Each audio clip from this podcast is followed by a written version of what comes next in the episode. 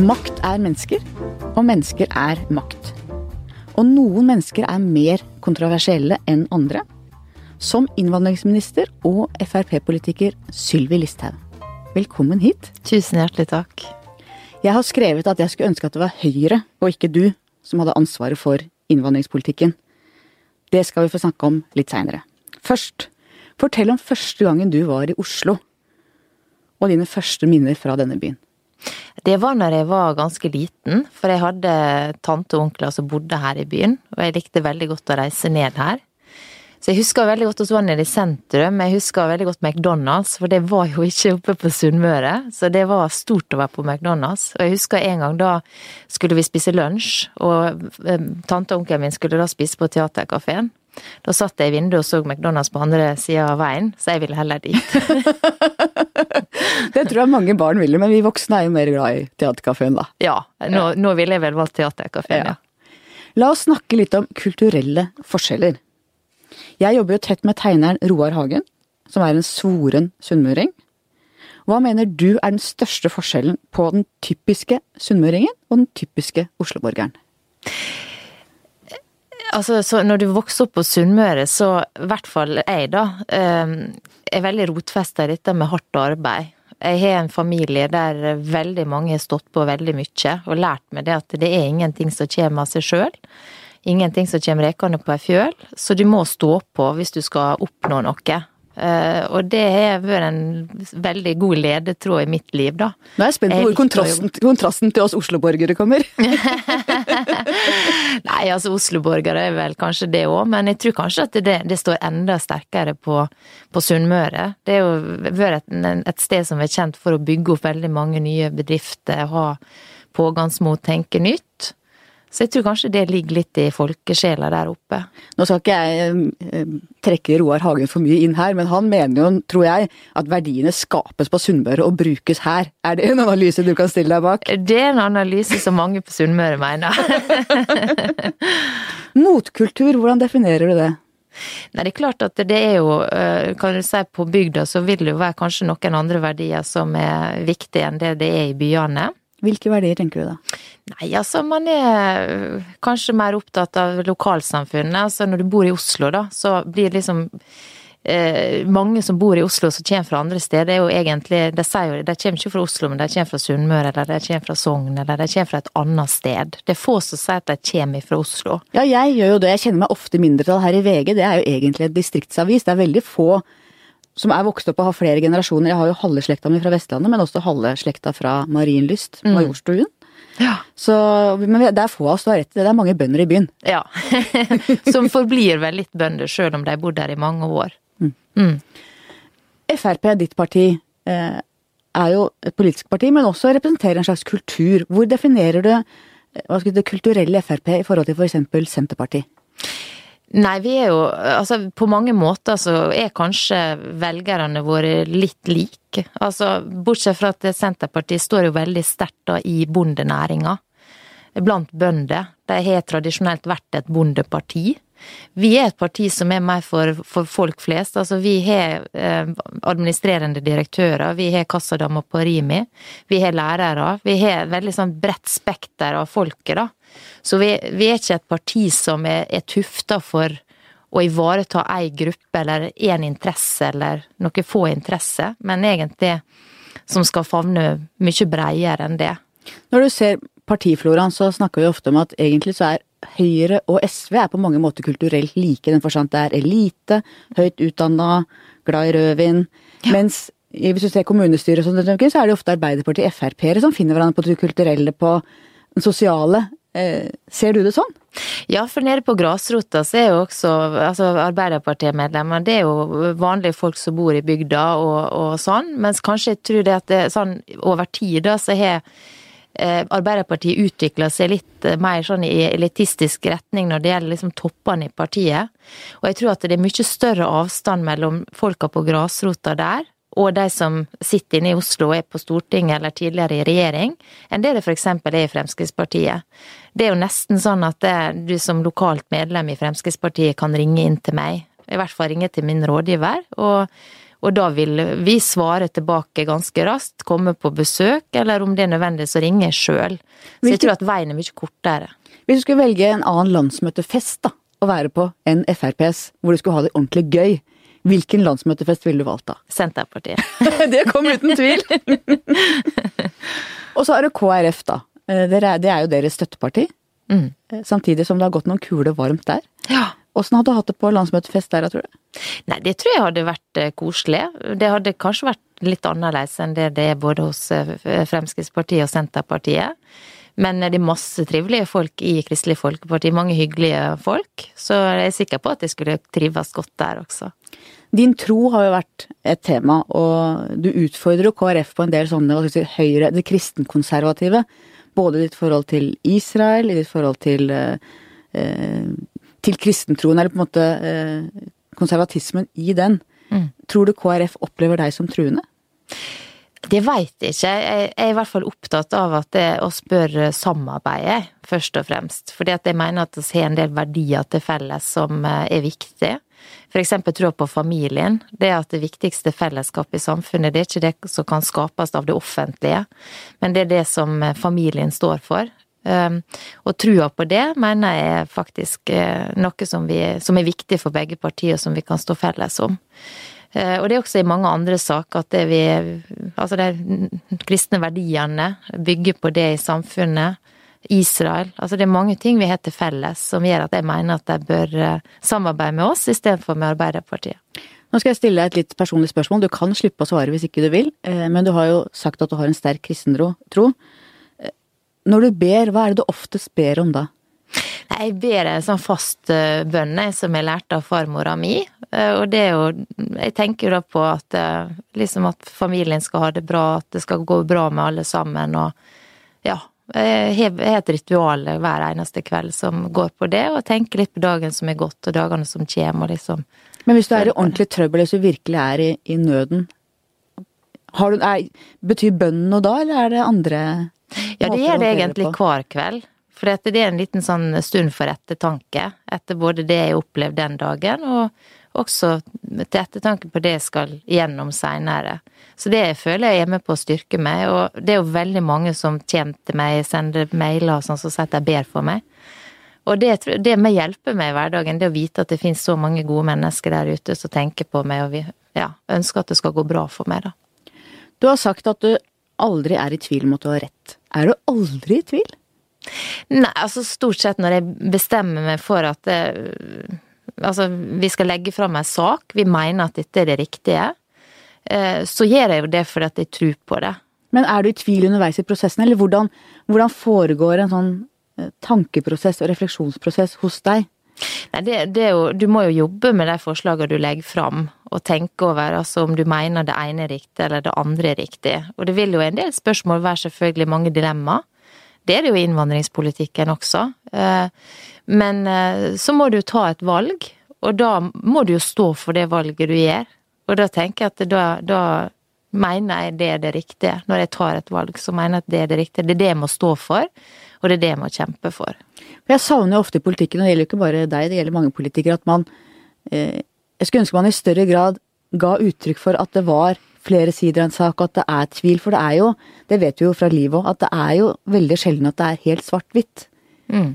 Mens når man da banker veldig på én løsning, så blir det lett litt unyansert. Ja, men det, du kan si hele den politiske debatten er i grunnen lagt opp sånn. For hvis du skal i et studio og snakke, altså i en debatt, da, så får ikke du tid til å, å, reflektere så mye om hvordan du kom fram til, eller hva som er dilemmaet. Da må du egentlig ha et budskap som er ganske klart, hvis du skal få folk der hjemme til å eh, oppfatte hva du står for, og hva du mener. Så, så derfor så blir det Men hvordan den, ser du da, hvis du Nå har vi litt tid. Mm. Hva tenker du er de store dilemmaene innenfor ditt fagfelt? Hvor er det du tenker at, at verden er mer komplisert enn det du kan gi uttrykk for i en Dagsnytt 18-debatt? F.eks. når det gjelder innstrammingene i eh, asylpolitikken, så vet vi jo det at det, det i seg sjøl trenger ikke å være nok til at vi, vi begrenser en stor tilstrømming til Norge. Og Det handler jo om at uh, dette er et internasjonalt spørsmål også. Det handler om hva som skjer nede i Europa. Det handler om hvor godt man greier å holde Schengen-grensene og, og, kontroll på dem. Det handler om hva som skjer med grensekontrollene i Europa. Derfor så er det, det er jo et veldig komplekst område som, der det, det, det er ikke bare én ting som vil avgjøre hvordan dette her skal gå, da. Din egen spagat i dette, altså du fører en politikk som det egentlig er ganske bred enighet om. Eh, jeg vet både de rød-grønne og dere tror jeg blir litt sure når jeg stadig påpeker at det er jo en politikk som også en rød-grønn regjering i dagens situasjon godt kunne ha lagt fram i hvert fall hovedtrekkene i. Så du fører jo egentlig en annen politikk enn det Frp har ment i opposisjon, og enn det man har retorikken. Må du føre en tøffere retorikk enn innhold i politikken for også å på en måte please dine egne velgere? De forslagene som vi har lagt frem nå, er jo eh, enkelte av de veldig strenge. Altså Det som er på familiegjenforening f.eks., er jo noe som eh, Fremskrittspartiet har ønska i veldig mange år å stramme kraftig inn på. Det som ligger der nå, er veldig strengt. Eh, og helt nødvendig i den situasjonen å se i. Enslige mindreårige er også, ikke sant. Det er et regelverk som da er diskutert, men som vi mener er helt uh, riktig. Men dette var for eksempel enslige mindreårige. Det var jo noe også den rød-grønne regjeringen la fram at det skulle være midlertidig opphold i 2008 eller 2009. Mm. Så det er jo ikke noe, uh, det er ikke noe nytt eller noe strammere. Familiegjenforening er også noe som alle har ønsket å gjøre noe med. Skal man diskutere liksom hvor mm. mange år og den type ting. Men det er jo ikke tvil om at hvis Frp ikke har vært i regjering nå, så ville dere bedt om enda strengere politikk. Du står i en spagat. Så litt refleksjon rundt Du skal på en måte gjøre to ting på en gang. Hvordan håndterer du det? Nei, nå, jeg syns vi har funnet veldig gode løsninger med Høyre, da. Eh, I de forslagene som vi har lagt fram. For det er klart, først må vi være enige om hva vi skal legge fram. Og der er jo jeg helt tydelig på det at det, vi må legge fram det som vi mener er riktig. Og det er hele regjeringa enige om at det må vi gjøre i den situasjonen vi er i nå. Ok, Men hvis du hadde hatt flertall, hvis du hadde hatt flertall alene, da, hvis Frp hadde hatt flertall i Stortinget, mm. hvordan hadde asylpolitikken Hvilke ytterligere tilstramminger ville dere gjort da? Det er vanskelig for meg å sitte og si her og nå. Eh, men det som er helt klart, er at vi er godt fornøyd med de innstrammingene som nå er lagt fram. Dette er jo et tema som vi har stått for i veldig mange år, og bidratt til å dra politikken i vår retning. Det er jo en grunn til at Arbeiderpartiet gjennom åra har kommet til i møte dette spørsmålet. Det er jo fordi at mange velgere er opptatt av det, og at man ser at det var nødvendig. Det Dette er jo kampen om historien, da, for at mm. Arbeiderpartiet har jo også, var jo for innvandringsstopp i sin tid, har jo også ført kjørt ganske strengt. Egentlig har de på en måte vært strengere enn Høyre, i hvert fall i retorikken. Altså det er jo Og så er møtes på ett vis Arbeiderpartiet og Frp. Så det handler vel egentlig om å, å eh, erobre eierskapet. Nei, men jeg mener det at historien viser altså for Fremskrittspartiet har jo fått mye pepper opp gjennom åra for innvandringspolitikken. Jeg husker veldig godt i 99, da skulle jeg på skoledebatt for første gang. Jeg hadde begynt som politiker året før, og jeg skal hilse deg og si det at det, det var hett rundt øra. Og det ble ikke tatt noe hensyn til at jeg var ny og ung jente i Fremskrittspartiet. Det, det var det absolutt ikke tatt hensyn til, så vi fikk virkelig kjørt oss. Og den gangen så du, kunne du risikere å bli spytta på på stand. Og så er jo åra gått, da, og dette her har egentlig bevega seg i en retning. Det som er interessant å se, er f.eks. Sverige, der du ikke har hatt denne debatten. Hva er det som har skjedd da? Det er jo det at det har utvikla seg mer ekstreme miljø. Eh, fordi at ingen i det hva jeg skal si, normale politiske miljøet har tatt den diskusjonen underveis. Men hvis vi er i debatten om eierskap, så vil jeg si at også pressen skal ha en stor del av æren for at disse debattene har blitt ført ordentlig. Eh, og hvis ja. du ser på eh, en av grunnene til, som jeg var inne på, at jeg skulle ønske at Høyre satt i denne posisjonen og ikke Frp, er at det blir så polarisert. Og jeg er litt i tvil om det er de ordene du sier, eller om det er fremtoningen din, eller om det er det at det faktisk er en Frp-er mm. som sier det. Men i hvert fall så er det så polarisert, og det jeg mener har vært styrken ved den norske integreringsdebatten i alle disse årene, er at man har vært en mellomting mellom Sverige og Danmark. Mm. Sverige har, som du sier, ikke kunnet snakke om noe. Eh, Danmark mener jeg har vært altfor rå og brutal i sin måte å både snakke på og agere på, mens Norge har klart å snakke om de vanskelige spørsmålene på en ålreit måte. Mm. Eh, og nå opplever jeg at klimaet er blitt mye mer polarisert. Mm. Eh, Altså, jeg, jeg har vært opptatt av det alltid vært som politiker, enten jeg har hatt ansvar for landbruk eller jeg har hatt ansvar for uh, en sektor i Oslo, så jeg har vært opptatt av at jeg snakker så folk forstår meg. Jeg feier ikke ting under teppet. Jeg tar en diskusjon, og det er på en måte uh, sånn jeg har gått inn i dette spørsmålet her også. Men når, og det er jo mange ja, Når for eksempel Frp snakker om hjelp i nærområdene, mm. så mener jeg at det er helt riktig. At man må gi hjelp på nærområdene. Samtidig så har det på ett vis formodninger mot seg når Frp, som har vært så mye mot u-hjelp i alle år, plutselig sier at vi må gi mye penger ut. Altså er det noe med at avsenderen blir viktigere enn innholdet? Jeg tenker Det som Fremskrittspartiet har sagt, er jo at vi har tidligere ønska å, å, å, redusere bistanden på en del sånne prosjekt som man har gående, f.eks. stat-til-stat-bistand som man hadde en del av før, og, og, den type prosjekt. Fremskrittspartiet har alltid stått for at vi skal gi nødhjelp. Eh, og gi hjelp i den type situasjoner som du ser i Syrias nærområde. Og det er klart, Jeg var jo nede i Tyrkia og besøkte denne flyktningleiren og, og, og snakka med folk som bodde utafor, og så virkelig behovet for at det vi bidrar mer. For det, det er barn i, i Tyrkia, for eksempel, som har bodd der og er 11-12 år gamle, som aldri gått på skole. Syriske barn.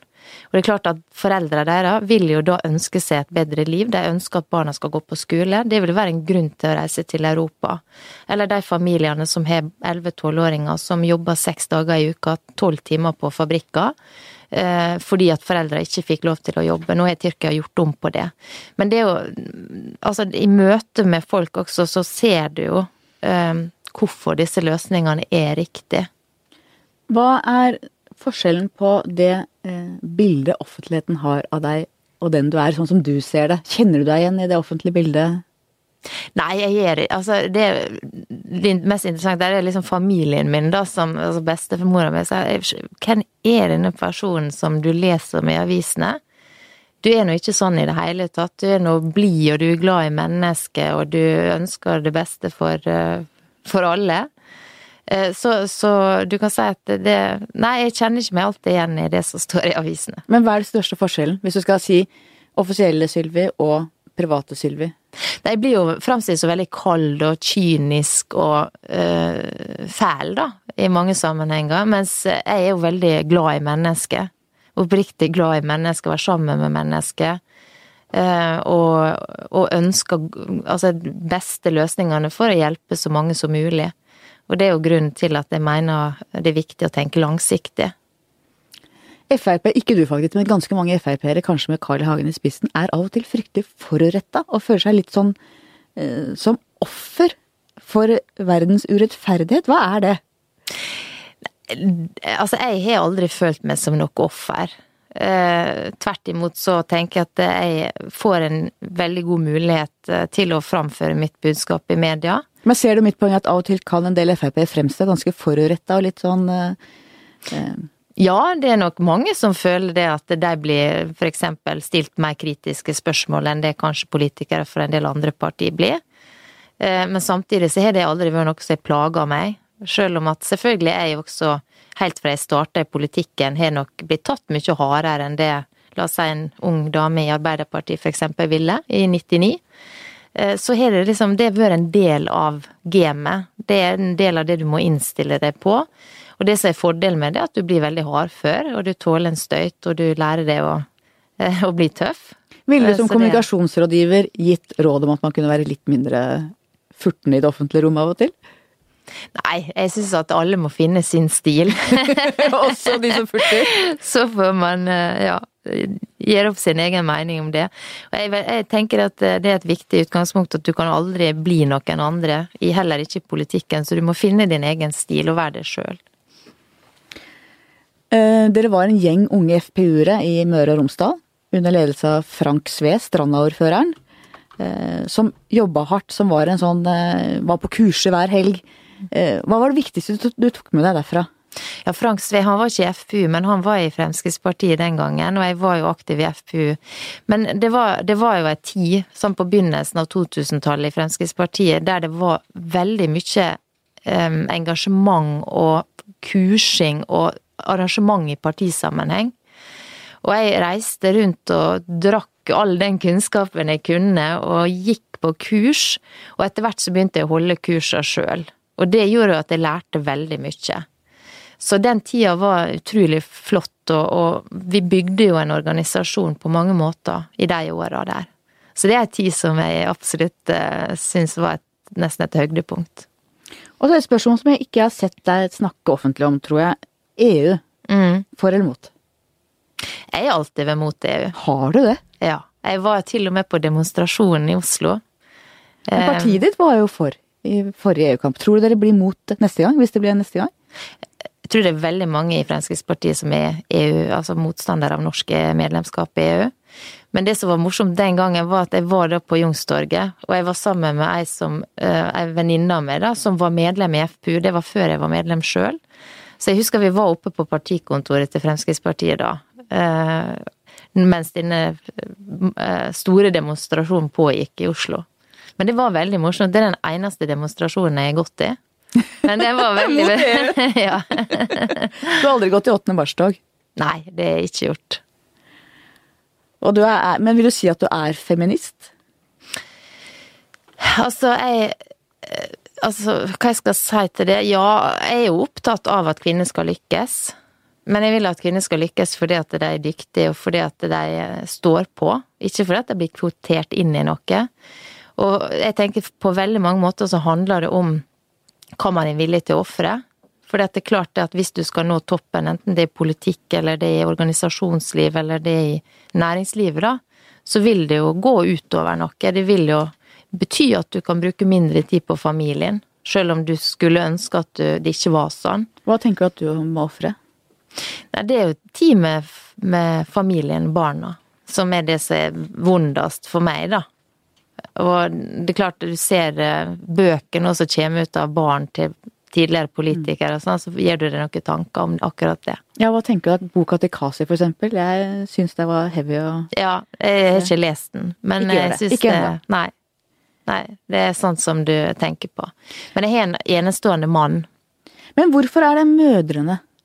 Jeg tror det ligger i oss. Jeg tror det, det er rett og slett eh, eh genetisk forankra. Jeg tror bare det Altså, morsinstinktet er veldig sterkt. Og det kan ikke du gjøre noe med gjennom politiske vedtak. Det er bare sånn det Men du tenker at det, er, tenker at det er eh, verdt det? At det er uh, viktig, den jobben du har nå? Ja, den jobben jeg har nå er veldig viktig. Så jeg må stå i det. Og så må vi, ja, tenke Når du er i en så utsatt posisjon som du er nå, for det er du jo. Hvordan er det da med venner? Er det mulig å ha noe fortrolighet? Har du noe fortrolig rom annet enn med mannen og familien din? Eh, altså, det har jo ganske lite fritid, men vi har jo gode venner. Men da, da er ikke det politikk som er på agendaen, helst. da liker jeg å snakke om andre ting og gjøre andre ting enn å prate om politikk. Eh, men jeg, det er klart jeg har ikke så veldig mye tid til å gjøre så mye utenom enn å være sammen med familie og, og sånn, da. Eh, men litt tid blir det. Prøve å sette av litt tid. Og så deler vi faktisk veldig kjærligheten til Amerika. Mm. Jeg oppdaga da jeg leste om at du var jo, bodde et år i Washington i 2005. Ja. Da bodde jeg der òg, nemlig. Oh, ja. Eh, hva er det du elsker med Amerika? Nei, det Altså, det, det, at det er så utrolig forskjellig der. Det er så, altså, du kan reise rundt til så mange forskjellige plasser, og det er noe eget ved alt. Eh, jeg liker veldig godt å på bilferie. Da er det jo USA det beste landet å feriere i. Fine veier, store biler. Veldig lett og tilgjengelig. Og så er det noe for alle, enten både store og små, da, så er det så utrolig mange valgmuligheter. Og amerikanerne er veldig gjestfrie, åpne og eh, hyggelige å være sammen med. Hvem ville du stemt på? Hillary Clinton eller Donald Trump? Jeg ville ikke stemt på noen av dem. Jeg hadde sittet hjemme på valgdagen. Hva tenker du om Donald Trump? Han spiller jo på populisme på, på ett vis litt av de samme strømningene som Frp. Det er jo ikke jeg enig i, da. Men eh, jeg tenker altså noe av det som kanskje er mest problematisk for Norge, er jo de uttalelsene han har hatt knytta til Nato, som er veldig viktig for oss sikkerhetspolitisk. Eh, og så har han jo mange andre kontroversielle uttalelser også, så det men hvis du ser på mistilliten, vi ser det jo både i USA med Donald Trump og Bernie Sanders som på hver sin front mm. eh, spiller på mistillit, misnøye, populisme. Vi ser det i Europa med mm. høyreekstreme partier. Eh, frykter du et sånt gap mellom elite og folk i Norge? Nei, jeg håper jo det at vi ikke kommer dit. Men jeg mener det er utrolig viktig å ta vanlige folk på alvor. Jeg mener det er viktig at vi diskuterer de utfordringene som er, og ikke feier ting under teppet. For jeg mener det er med på å bidra til nettopp den avstanden. Mange mener at det at Frp har vært en del av the establishment, for det har dere jo på et vis vært, samtidig som dere har målbåret folks fremmedskepsis, frykt eh, Dere er jo populister om å kunne si det. at det har gjort at vi ikke har fått et høyreekstremt parti som type Sverigedemokraten eller det vi ser i Europa. Er det en analyse du eh, deler? Ja, vi har jo på mange måter da talt folket sin sak, eh, og i mange spørsmål. Og det, ja, det mener jeg er en viktig faktor til at det vi ikke har um, så etablerte ekstreme miljø i Norge. At uh, et moderat parti faktisk da har tatt rolla med å ja, bringe litt av de tinga som grasrota i Norge er opptatt av, eh, inn i diskusjonen. Nå har jo også de sinteste og mest ytterliggående i Frp blitt mer stillferdige i, i asylpolitikken. Er det for at du sitter der du er og snakker sånn som du gjør, eller? Det må du nesten spørre deg om, men jeg har inntrykk av at man er fornøyd med, med den jobben som regjeringa har gjort på det området. Vi er ikke i mål, langt derifra, eh, men vi er på rett vei. Hvordan hadde flyktningdebatten vært nå hvis dere hadde vært i opposisjon og ikke i posisjon? Det er veldig vanskelig å si. Men det er klart at jeg er helt sikker på at Fremskrittspartiet ville være aktiv i den diskusjonen.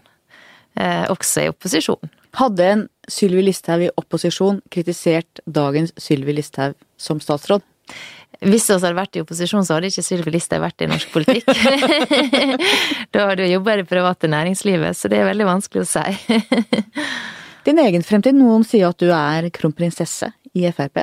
Kunne du tenkt deg på et eller annet tidspunkt i framtida å bli leder? Ja, nå har vi en veldig god partileder. Å, det var standardsvar! Svar litt annerledes, nei, helt ærlig. Nei, vet du, jeg har ikke tenkt på det i det hele tatt. Eh, jeg har ikke tenkt så mye på min egen framtid, egentlig, hva jeg skal drive med.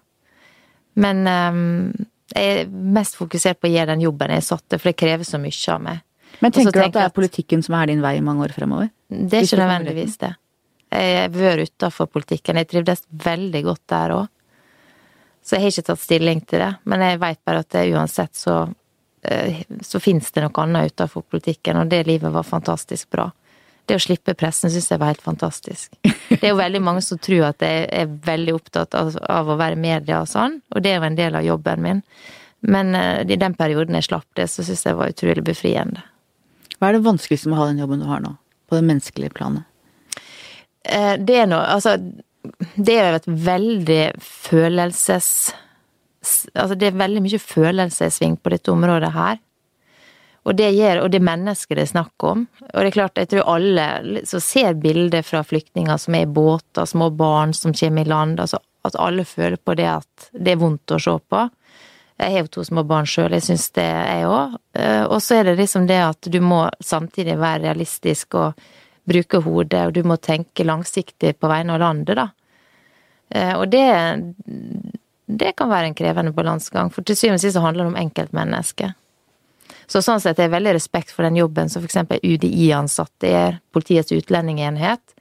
For vi politikere kan sitte og diskutere overordna, men de sitter og håndterer sakene i det daglige, møter disse personene og må ta avgjørelser som egentlig betyr om kanskje de får et godt liv, eller de må reise tilbake og ha et mindre godt liv enn de kunne hatt her.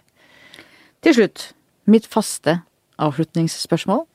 Hva skal historien være om deg? Sylvi Listhaug, det var hun som var en handlekraftig politiker som visste hva jeg ville, og som tok ansvar i en vanskelig tid for Norge innenfor flyktningpolitikken, og sørga for å føre en bærekraftig asylpolitikk.